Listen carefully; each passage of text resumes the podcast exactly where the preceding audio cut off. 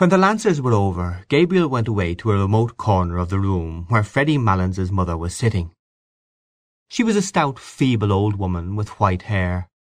Her voice had a catch in it like her son's, and she stuttered slightly. She had been told that Freddy had come, and that he was nearly all right. Gabriel asked her whether she had had a good crossing. She lived with her married daughter in Glasgow, and came to Dublin on a visit once a year. She answered placidly that she had had a beautiful crossing, and that the captain had been most attentive to her. She spoke also of the beautiful house her daughter kept in Glasgow, and of all the friends they had there. While her tongue rambled on, Gabriel tried to banish from his mind all memory of the unpleasant incident with Miss Ivors. Of course the girl, or woman, or whatever she was, was an enthusiast, but there was a time for all things. Perhaps he ought not to have answered her like that. But she had no right to call him a West Briton before people, even in joke. She had tried to make him ridiculous before people, heckling him and staring at him with her rabbit's eyes. He saw his wife making her way towards him through the waltzing couples. When she reached him she said into his ear, "Gabriel, Aunt Kate wants to know won't you carve the goose as usual? Miss Daly will carve the ham, and I'll do the pudding." "All right," said Gabriel. "She's sending in the younger ones first as soon as this waltz is over, so that we'll have the table to ourselves." "Were you dancing?" asked Gabriel. "Of course I was. Didn't you see me? What row had you with Molly Ivors?" "No row. Why? Did she say so?" "Something like that. I'm trying to get that Mr. D'Arcy to sing. He's full of conceit, I think." "There was no row," said Gabriel moodily. "Only she wanted me to go for a trip to the west of Ireland, and I said I wouldn't. His wife clasped her hands excitedly and gave a little jump. "Oh, do go, Gabriel!" she cried.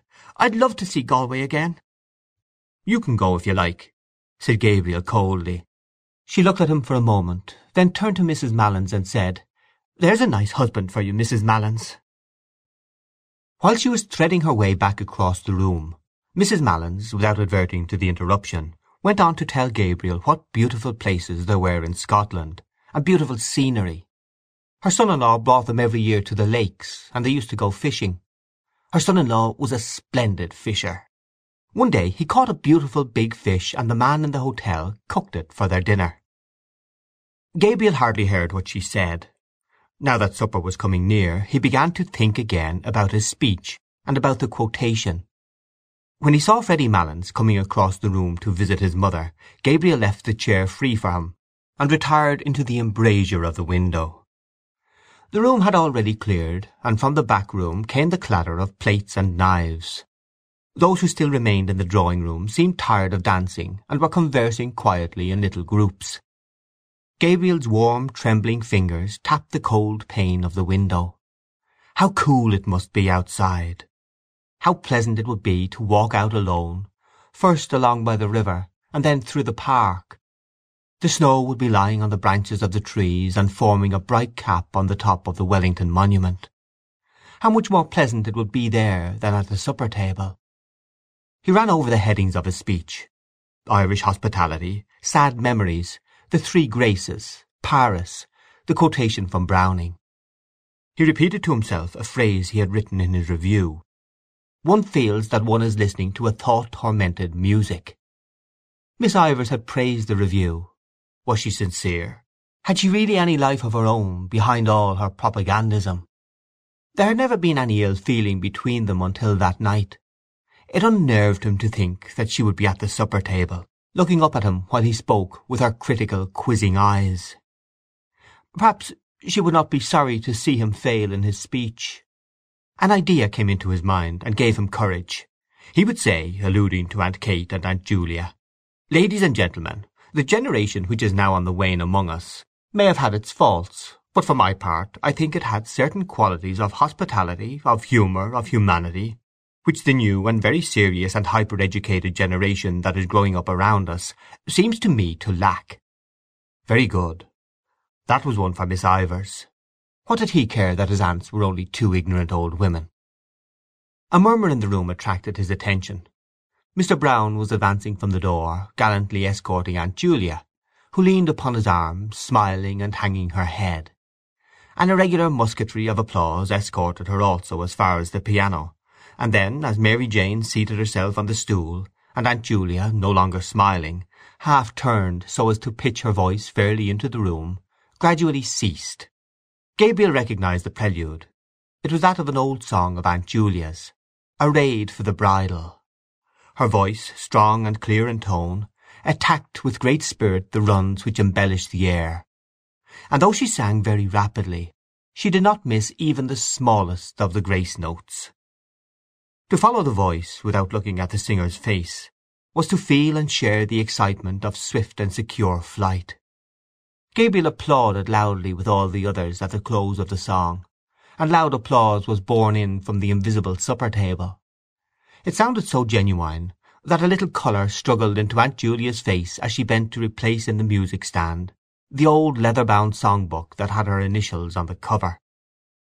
Freddy Malins, who had listened with his head perched sideways to hear her better, was still applauding when everyone else had ceased, and talking animatedly to his mother, who nodded her head gravely and slowly in acquiescence. At last, when he could clap no more, he stood up suddenly and hurried across the room to Aunt Julia, whose hand he seized and held in both his hands, shaking it when words failed him or the catch in his voice proved too much for him. "Oh, I was just telling my mother," he said. "Oh, I never heard you sing so well. Never. No, I never heard your voice so good as it is to-night. Now, would you believe that now? That's the truth. Upon my word and honour, that's the truth. Oh, I never heard your voice sound so fresh and so, so clear and so fresh. Never!" Aunt Julia smiled broadly, and murmured something about compliments as she released her hand from his grasp. Mr. Brown extended his open hand towards her, and said to those who were near him, in the manner of a showman introducing a prodigy to an audience, "Miss Julia Morkan, my latest discovery!" He was laughing very heartily at himself when Freddy Malins turned to him and said, well, Mr. Brown, if you're serious you might make a worse discovery. All I can say is, I never heard her sing half so well as long as I'm coming here, and that's the honest truth. Neither did I, said Mr. Brown. I think her voice has greatly improved. Aunt Julia shrugged her shoulders, and said with meek pride, Thirty years ago I hadn't a bad voice, as voices go. I often told Julia, said Aunt Kate emphatically, that she was simply thrown away in that choir, but she never would be said by me. She turned as if to appeal to the good sense of the others against a refractory child, while Aunt Julia gazed in front of her, a vague smile of reminiscence playing on her face. No, continued Aunt Kate, she wouldn't be said or led by anyone.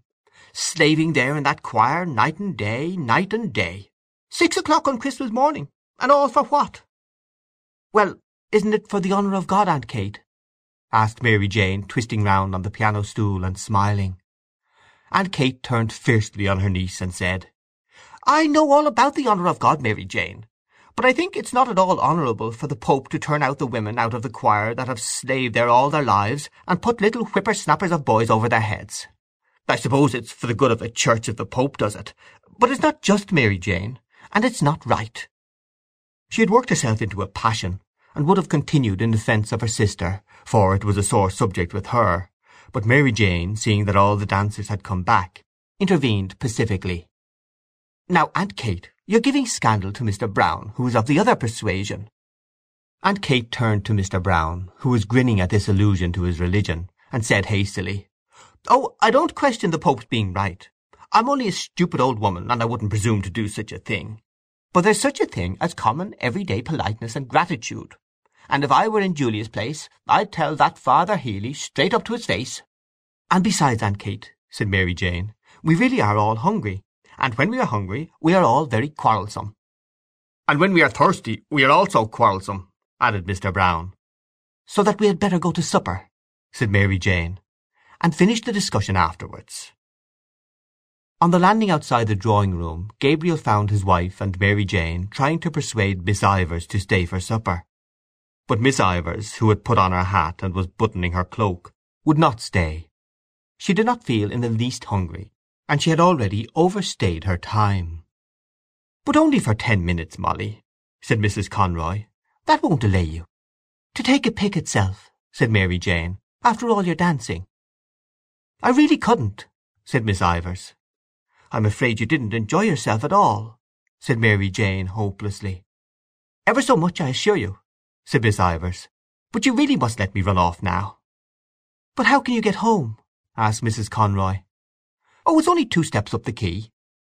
Gabriel hesitated a moment, and said, "If you will allow me, Miss Ivors, I'll see you home, if you are really obliged to go." But Miss Ivors broke away from them. "I won't hear of it!" she cried. "For goodness' sake, go in to your suppers and don't mind me. I'm quite well able to take care of myself." "Well, you're the comical girl, Molly," said Mrs. Conroy, frankly. "Beannacht libh!" cried Miss Ivors, with a laugh, as she ran down the staircase. Mary Jane gazed after her, a moody puzzled expression on her face, while Mrs. Conroy leaned over the banisters to listen for the hall door. Gabriel asked himself was he the cause of her abrupt departure. But she did not seem to be in ill humour. She had gone away laughing. He stared blankly down the staircase.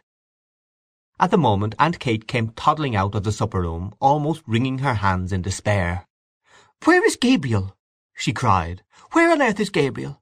There's every one waiting in there, stage to let, and nobody to carve the goose." "Here I am, Aunt Kate!" cried Gabriel, with sudden animation, "ready to carve a flock of geese, if necessary."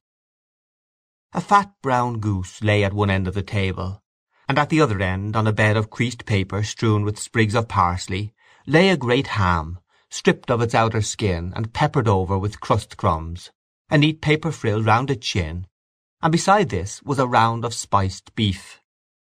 Between these rival ends ran parallel lines of side dishes: two little minsters of jelly, red and yellow, a shallow dish full of blocks of blancmange and red jam, a large green leaf-shaped dish with a stalk-shaped handle, on which lay bunches of purple raisins and peeled almonds a companion dish on which lay a solid rectangle of Smyrna figs, a dish of custard topped with grated nutmeg, a small bowl full of chocolates and sweets wrapped in gold and silver papers, and a glass vase in which stood some tall celery stalks. In the centre of the table there stood, as sentries to a fruit stand which upheld a pyramid of oranges and American apples, two squat old-fashioned decanters of cut glass, one containing port, and the other dark sherry.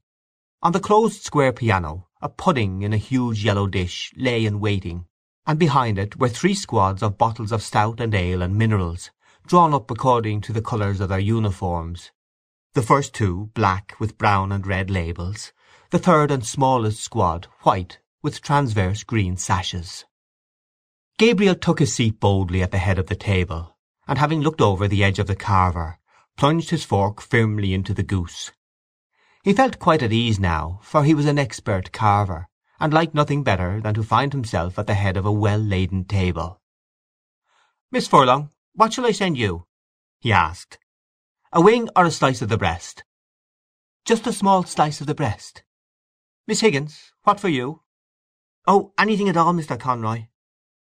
While Gabriel and Miss Daly exchanged plates of goose and plates of ham and spiced beef, Lily went from guest to guest with a dish of hot floury potatoes, wrapped in a white napkin. This was Mary Jane's idea, and she had also suggested apple sauce for the goose, but Aunt Kate said that plain roast goose without any apple sauce had always been good enough for her, and she hoped she might never eat worse. Mary Jane waited on her pupils and saw that they got the best slices, and Aunt Kate and Aunt Julia opened and carried across from the piano bottles of stout and ale for the gentlemen and bottles of minerals for the ladies. There was a great deal of confusion and laughter and noise, the noise of orders and counter-orders, of knives and forks, of corks and glass stoppers. Gabriel began to carve second helpings as soon as he had finished the first round without serving himself. Every one protested loudly, so that he compromised by taking a long draught of stout, for he had found the carving hot work. Mary Jane settled down quietly to her supper, but Aunt Kate and Aunt Julia were still toddling round the table, walking on each other's heels, getting in each other's way, and giving each other unheeded orders. Mr. Brown begged them to sit down and eat their suppers, and so did Gabriel, but they said there was time enough, so that at last Freddy Malins stood up and, capturing Aunt Kate, plumped her down on her chair amid general laughter.